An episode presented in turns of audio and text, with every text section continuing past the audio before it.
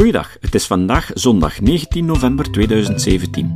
Ik ben Jozef van Giel en dit is de 336e aflevering van deze podcast. Vandaag krijgen jullie het tweede deel te horen van het interview met Leon Korteweg. En we beginnen met spreken over nationalisme. Nog een ander punt dat je daar straks aanhaalde, die een beetje in de achtergrond verdwenen is nu, zei je, dat je je een republikein noemt. Je bent sterk bezig geweest ook in de tijd met uh, nationalisme en zo. Uh, kan je daar iets meer over zeggen? Ja, ja, dat is inderdaad het volgende punt.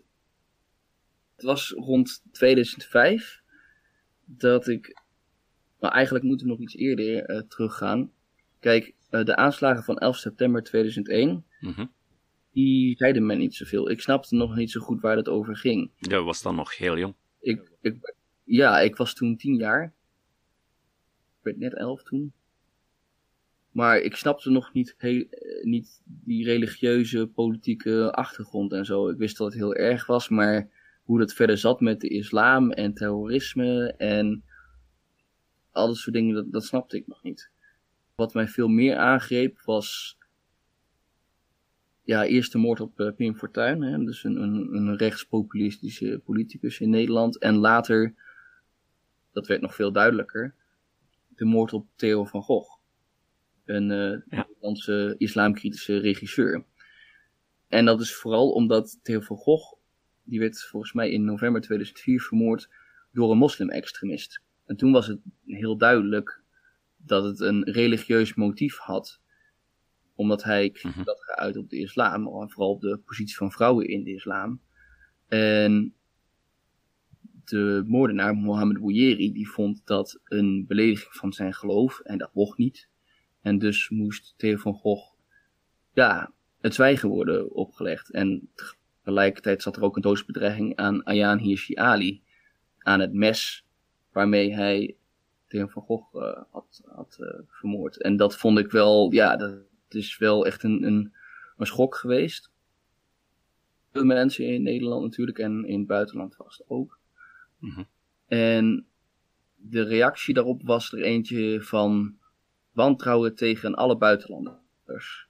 En dat is eigenlijk veel te breed en veel te, veel te generaliserend. Maar op dat moment kon ik het nog niet vernauwen. Dat was jouw reactie. Ja, ja ik kon het niet vernauwen tot, tot, tot specifiek jihadisme of islamisme, een bepaalde stroming mhm. binnen de islam. Ik dacht meteen alle buitenlanders, dus ook niet een onderscheid tussen moslims en niet-moslims of Nederlandse moslims en buitenlandse moslims.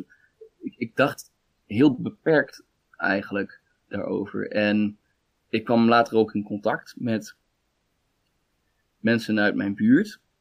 En dat is mede omdat ik op school op dat moment niet zoveel vrienden had. Een oud buurjongen van mij, die, die had een soort van Lonsdeel groepje gevormd. En dat is een soort van subcultuur die xenofoob is eigenlijk. Die zich afzet tegen buitenlanders en die een, ja, een soort van uh, nationalistisch extreemrechts profiel heeft. En in het begin was het nog een grap. In het begin was het een beetje stoer doen. Maar later werd het toch wel serieuzer. Hè? En uh, er werden niet alleen heel veel politiek incorrecte grappen gemaakt over Joden en over Marokkanen en Turken en zo. Maar het, het, het ging ook nog wel veel verder. Dat, dat, er, er kwam echt een soort van politiek programma bij kijken. En ja, in, in eerste instantie snapte ik best van, dit, dit gaat echt helemaal de foute kant uit. En in één keer Hitler en, en uh, nazisme gaat verheerlijken.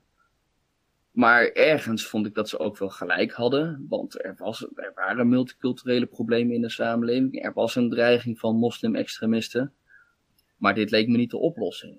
Maar toch, ja, ik, ik bleef onder invloed van die groep, omdat ik ook ergens wilde bijhoren. Hè? Als je geen vrienden, mm vrienden hebt. En toen heb ik ze daar maar gezocht.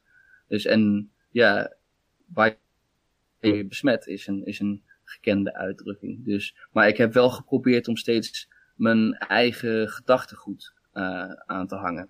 Ja. En toen is het geleidelijk via die beweging kwam met het idee van groot Nederlands, zoals ze dat noemen. En dat wil dus zeggen dat, dat Nederland en Vlaanderen eigenlijk ja, één natie vormen, één, één volk, één land, of uh, één land zouden moeten vormen. Het, het, is al één volk. Omdat ze dezelfde taal hebben, dezelfde cultuur en dezelfde geschiedenis en meer van dat soort dingen. En toen kwam ik ook in aanraking met Vlaams nationalisme. En toen heb ik eigenlijk jarenlang heb ik mij bezig gehouden met pleiten voor onafhankelijkheid van Vlaanderen en daarna een samenvoeging van Vlaanderen en Nederland. En nationalisme werd daarbij een, een, een ideologie die eigenlijk een soort van ja, vervangende religie was voor, uh, voor, voor een religie die ik eigenlijk nooit heb gehad. Hè. Dus het, het, het, het werd voor mij een wereldbeeld waar, door welke bril ik zeg maar. Het werd voor mij een bril waardoor ik de wereld zag. Hè. Ik ging elk conflict in de wereld ging ik zien in termen van nationalisme, van ja. volkeren. Hè, dit volk onderdrukt dat volk en alle volkeren zouden moeten vrij zijn, maar wel allemaal in hun eigen land wonen. En dus dat, dat is best wel eng, want het, het, is, helemaal niet gesteund op, op wetenschap. Het is heel erg op gevoel en op, op traditie en op mythes, legendes. En ja, best wel uh, racistische ondertonen heeft het wel. Ook al heb ik mezelf nooit een racist willen noemen. Mm ja. Maar je zag dat wel eh, in het kader van een, een groter Europa, of in die tijd? Ja, ik, ik, ik ben altijd wel voor, voor uh, Europese eenwording geweest. Uh, het, ja. het, is alleen wel dat ik niet zo goed wist wat, wat moeten we dan met die grenzen en, en ja, ja er moet ook wel niet, niet te veel uh, macht naar Brussel of zo. Maar ik, ik heb, het, ik heb ben altijd gematigd pro-EU geweest, zeg maar. Uh, maar ik had wel het idee dat er binnen de Europese Unie nog heel veel grenzen moesten wijzigen. Hè? Dus wat mij betreft moest België dan worden opgeheven en dan Vlaanderen en Nederland samen. En uh, ja, dan wilden we ook heel graag Brussel hebben, maar dat strookte dan weer niet, want de meeste inwoners van Brussel zijn Franstalig. Moeten we die dan dwingen om Nederlands te spreken? Maar dat ging in tegen mijn principe dat, dat zeg maar... Of te verhuizen. Dat waar een meerderheid aan, aan, aan sprekers is van een bepaalde taal, dat die dan recht hebben op een eigen staat. En hetzelfde probleem had ik met Friesland. Hè? Want ja, de meeste Friesen die spreken Fries. Ja, het neemt inmiddels af, maar toch, als je echt bent voor elk volk met een eigen taal moet zijn eigen land kunnen hebben. Ja, dan moet je ook Friesland hun onafhankelijkheid gunnen. Dus en daar verzon ik dan weer iets op van ja, maar Friesland hoort er al zo lang bij. Maar dat is natuurlijk ook niet echt een goed argument. Uh, dus, dus dat is een beetje een soort van special pleading, hè? speciaal pleiten. Ja, ja. Maar als ik zo hoor, uh, al die punten dat je nu aanhaalt, is dat een beetje ook de verklaring waarom dat je op een bepaald ogenblik geschiedenis gaan studeren bent? Ja, ja, geschiedenis vond ik eigenlijk al een hele tijd interessant. Mm -hmm. En politiek. En vooral het samenspel tussen die twee. Ja, ik, ik had in het begin had ik ook echt het idee dat ik wel even alle communautaire problemen van België zou oplossen. dus ik, ik wilde wel graag uh, de, de Belgische politiek in. Ja. En ik dacht aanvankelijk dat het beste zou zijn om politicologie te gaan studeren. Ja, ja. En uh, nou, dat zou ik dan kunnen doen in Nijmegen, in eh, Leiden of in Amsterdam. Maar ik vond uh, Amsterdam een veel te grote stad. Ik vond Leiden te ver weg van Zwolle, want ik wilde ook nog wel bij, bij mijn ouders terug kunnen, zo, zo af en toe. Ja. En uh, Nijmegen leek dan voor de hand te liggen. Het lag ook wel dichter bij Vlaanderen, dus als ik dan uh, eens een keer heen en weer wou om, om leuke dingen in Vlaanderen te bezoeken, bijvoorbeeld nationalistische bijeenkomsten of zo, dan kon ik daar vlak, makkelijk heen. En in Nijmegen had men al een, een zachte G en dat vond ik wel mooi allemaal. Maar werd mij gewaarschuwd, kijk wel uit, want Nijmegen is een linkse stad hoor. Ja, ja, ja. En ik dacht, nou, ik ben overtuigd van mijn rechtse mening, dat uh, ik hou wel vol. Ja, um, ja. En, uh, ik heb uiteindelijk toch besloten om wel naar Nijmegen te gaan, maar in plaats daarvan geschiedenis te studeren. Omdat ik hoor van ja, politicologie is vrij saai. En het gaat over debatten en moet het allemaal weten hoe je op de juiste manier mensen moet toespreken en veel wetten lezen. En dat is allemaal niet zo interessant. En toen heb ik uiteindelijk toch besloten voor geschiedenis, omdat ik zeker wist dat mij, dat mij altijd zou interesseren. Maar ja, in Nijmegen ben ik toch wel heel anders gaan nadenken. Omdat inderdaad de, veel docenten daar, veel professoren, die hebben toch wel een meer links gedachtegoed. En die zijn heel anti-nationalistisch. En, en zij, zij gaven mij informatie die me toch wel deed twijfelen aan of nationalisme eigenlijk wel een juist idee is en of, of het wel een goed idee is. Vooral het idee dat überhaupt dat volkeren, naties, dat uh, naties met een T, uh, dat die wel echt bestaan. Maar dat, dat mm blijkt dus waarschijnlijk gewoon ingebeelde gemeenschappen te zijn, of, of zoals het heet, imagined communities. Ja, ja. Voor de 18e eeuw dacht men helemaal niet in termen van volkeren die, van iedereen die dezelfde taal spreekt. Men dacht heel erg aan de eigen provincie of het eigen gewest. Dus eigenlijk is het gewoon iets wat uitgevonden is. En bovendien heel erg kan worden gebruikt door machthebbers om volkeren tegen elkaar op te zetten. En voor, laat ik zeggen, groepen mensen. En dat is heel erg gevaarlijk. En dat ben ik steeds meer gaan inzien naarmate ik verder studeerde en verder nieuws ging lezen over, over wat er gebeurde in de wereld. Mm Dus je bent eigenlijk altijd wel wat op zoek geweest naar betrouwbare informatie en zo. En dat heeft waarschijnlijk ook jou op die manier onvermijdelijk naar de, in de sceptische hoek geduwd. Ja, ja. Heb je zo, je had het daar straks over uh, je reis weg van uh, de religie, maar heb je nog een specifiek element dat heel betekenisvol was in, in je weg uh, richting scepticisme en dan buiten het religieuze gedeelte? Ik weet nog dat je al een paar keer over vaccinatie gesproken hebt, want je hebt je uiteindelijk toch laten vaccineren. Ja, ja ik weet niet of dat, dat betekenisvol was, of misschien was er een ander feit die belangrijk was in die weg.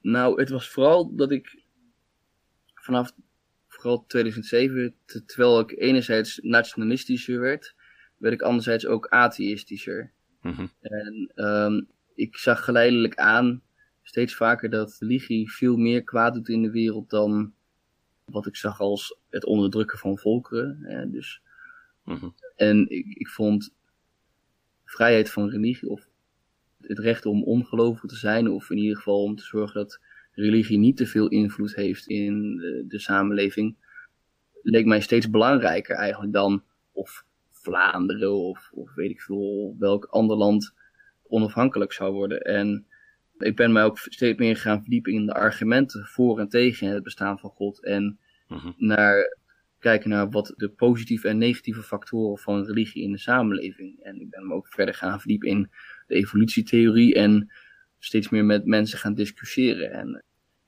en het is uiteindelijk, het specifieke was dat ik in 2011 of 12, ik denk in 2012, dat ik een beetje genoeg had van alle debatten tussen atheïsten en gelovigen. Toen ben ik op YouTube, want ik, ik deed heel veel van deze discussies op YouTube, ben ik het YouTube kanaal tegengekomen van de James Randi Educational Foundation. Ja, ja, ja, ja. En daar vond ik ook hele andere onderwerpen die niet per se religieus waren, maar wel pseudowetenschappelijk. Of die gingen over helderziendheid of over homeopathie, waar ik ook allemaal twijfels aan had. Mijn ouders zijn ook nog een tijd homeopaat geweest. En ah, ehm, dat, was, dat was ook al uh, behoorlijk een ding waarvan ik niet zo goed wist wat ik daarna van moest geloven. En ik ben steeds meer video's gaan kijken op dat kanaal. En toen kwam ik de video van Jamie Ian Swiss tegen, een Amerikaanse uh, goochelaar. En die video heet Overlapping Magisteria. En daarna legde uh, Swiss voor het eerst uit wat scepticisme nou eigenlijk is. Wat het inhoudt en wat de verhouding is tussen atheïsme en scepticisme. En dat scepticisme eigenlijk een beter vertrekpunt is dan atheïsme. Omdat atheïsme eigenlijk alleen maar een, een gebrek aan geloof in goden is. En dat er naast religie heel veel andere zaken spelen die ook belangrijk zijn. En het mooie vond ik ze eh, juist dat hij het had over het doel van scepticisme. Want het gaat uiteindelijk om het beschermen van je medemens, van de consument, die bedrogen kan worden, die kan trappen in dingen die niet waar zijn, of die feiten kan gaan ontkennen. Hè? Dus zoals klimaatverandering of de holocaust ontkennen. Of ehm, nou, noem het maar op, aids ontkennen. Dat, dat er een link is tussen HIV en aids. Dus het werd mij heel duidelijk dat scepticisme eigenlijk de meest, de meest betrouwbare uitgangspositie is, de meest betrouwbare methode om te kijken naar allerlei verschillende zaken in de wereld. Van is dit wel waar of niet? Heb ik eigenlijk zelf wel gelijk? Moet ik misschien mijn standpunt over dit of dat wijzigen? En dat is het mooie aan scepticisme. Het, het corrigeert zichzelf en het, en het gebruikt de wetenschappelijke methode om dat te doen. Ja, en dan ben je tot de constatatie gekomen dat je niet de enige bent die zo denkt. Want ik heb ter voorbereiding van dit gesprek eens een lijstje gemaakt van al de zaken waar je voorzitter, metebestuurder of actief in bent. En het is een groot lijstje. ja. En ik dacht van ze één voor één te, overlopen, maar misschien uh, is het interessanter dat je eens uh, vertelt, wat was de eerste organisatie waar je in terechtgekomen bent? dus ik heb hier uh, de vrije ja. gedachte. Ja, zeg maar. Ja, nou, ik, ik zeg maar in, in het prille begin ben ik een tijdje ja, hoe zou je het kunnen zeggen? Ik ben actief geweest bij de atheïstisch seculiere partij. Maar mhm. dat werd niet zoveel. Uh, maar daar hoorde ik wel voor het eerst van een vrije gedachte. En toen ben ik uh, ook naar de atheïsme dagen geweest. Maar uiteindelijk, uh, waarbij het echt begon, was in mei 2013. Toen op het videokanaal van de JREF weer een video kwam van Susan Gerbic van mm Guerrilla Skepticism on Wikipedia. Want ik was ook al een tijdje in Wikipediaan. En ik schreef over van alles. Eerst uh, vooral over geschiedenis en ook over nationalisme. Maar later meer over wetenschap en religie en religiekritiek.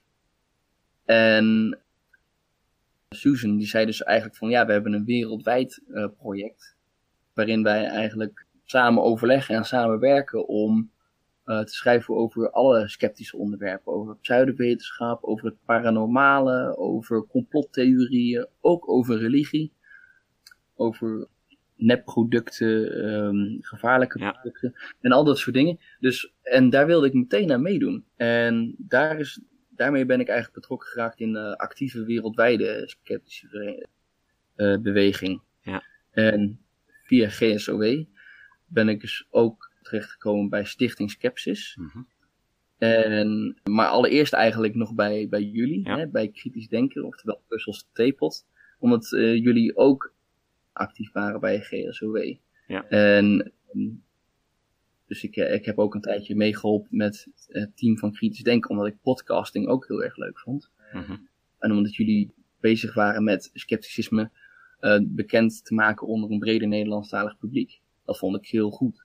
En ik ben uiteindelijk ook, en dan zitten we al iets later, ben ik in eind 2014 ben ik weer in aanraking gekomen met de vrije gedachten. Ja. En zij hielden namelijk vrijdenkerscafés of vrijdenkersborrels en verlichtingsborrels. En ik had ook al iets, iets gelezen over de Vereniging tegen de Kwakzalverij. Daar ben ik ook nog een keer bij een symposium geweest. Maar ik merkte wel van, oké, dit is wel heel erg medisch. Ja. En ik ben geen geneeskundestudent of dokter of zo. Dus ja. uh, ik, ik steun jullie wel, maar ik, ik weet hier te weinig vanaf. Dus ja. daar ben ik nooit lid van geworden. Het is ook heel duur lidmaatschap. Ja, ik heb ook een lidkaart van hen en ik ontvang hun tijdschrift. Maar het is zeer moeilijk om erin te lezen als je geen uh, arts bent. Hè? Ja, precies. Ja, dus ik steun die mensen van harte. En het is ook goed dat zij dus hierop richten. Maar ja, als, als leek kan ik er helaas niet zo heel veel mee. Maar wat er toen gebeurde was dat in januari 2015 dus de aanslag op uh, Charlie Hebdo was in Parijs. Mm-hmm. En dat heeft me wel geschokt. Uh, want ik was eigenlijk steeds minder bezig met religie en atheïsme.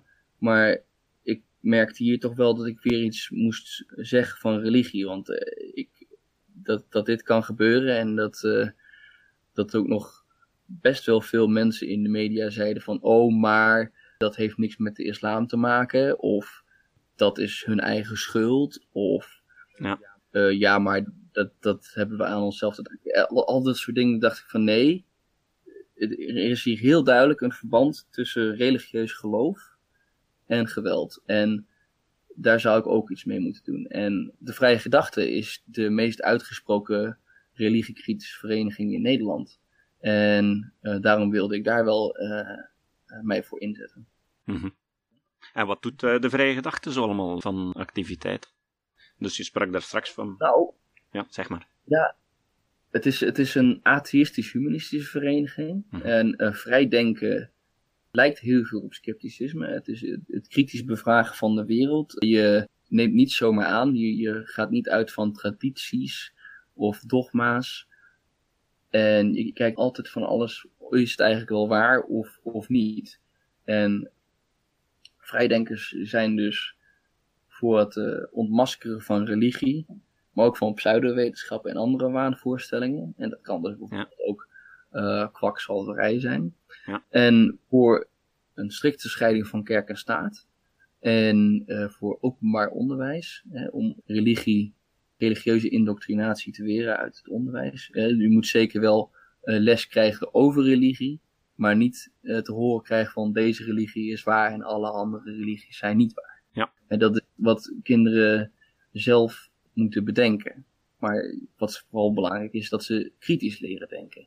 En dan kunnen ze zelf een conclusie trekken. En de vrije gedachte is ook erg actief met het recht op zelfbeschikking. Mhm. Dus dat je zelf mag beschikken over je eigen leven. En dus ook over je eigen dood. Dus je vindt het heel belangrijk dat euthanasie wordt gelegaliseerd en makkelijk beschikbaar is voor iedereen. En houdt zich ook bezig met respect voor andere levende wezens, vooral dieren, en, en het milieu. Mhm. En willen dus ook een, een houdbare samenleving. Ja. En dat is uiteindelijk hoe ik uh, terechtgekomen ben bij, uh, bij veganisme. Ja, ja, ja. Kan ik daar misschien iets over vertellen? Of, ja, ja, uh... ja, nee, ga maar.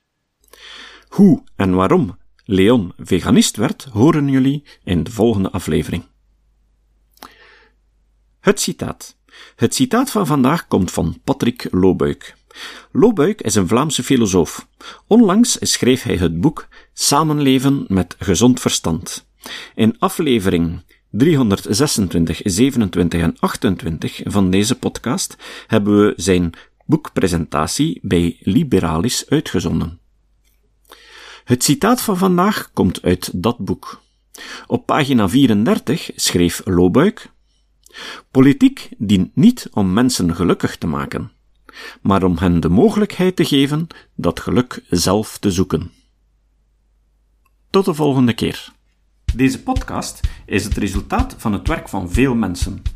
Rick de Laat verbetert bijna al mijn teksten en maakt de meeste vertalingen. Emiel Dingemans verzorgt onze website en Facebookpagina. Ook Leon Korteweg en Stefan Sutens schrijven, vertalen of verbeteren soms artikelen. Leon onderhoudt bovendien het YouTube-kanaal van deze podcast. De muziek van de intro en de trailer heeft Nick Lucassen geschreven en soms maken we ook gebruik van muziek van Ad van Nederpelt, die ons zijn prachtige composities ter beschikking stelt. Dit was de podcast Kritisch Denken. Vergeet niet om alles kritisch te behandelen, ook deze podcast. Voor verdere informatie over deze podcast, links en voor de tekst, surf naar www.kritischdenken.info. Als je deze podcast belangrijk vindt, kun je me steunen door anderen warm te maken ook eens te luisteren. Stuur een e-mail naar vrienden met een link naar de website en plaats de link in de handtekening van je e-mails. Tevens kun je op iTunes deze podcast een beoordeling geven of een recensie schrijven. Of je kan op je eigen website of blog een link naar kritisch denken plaatsen.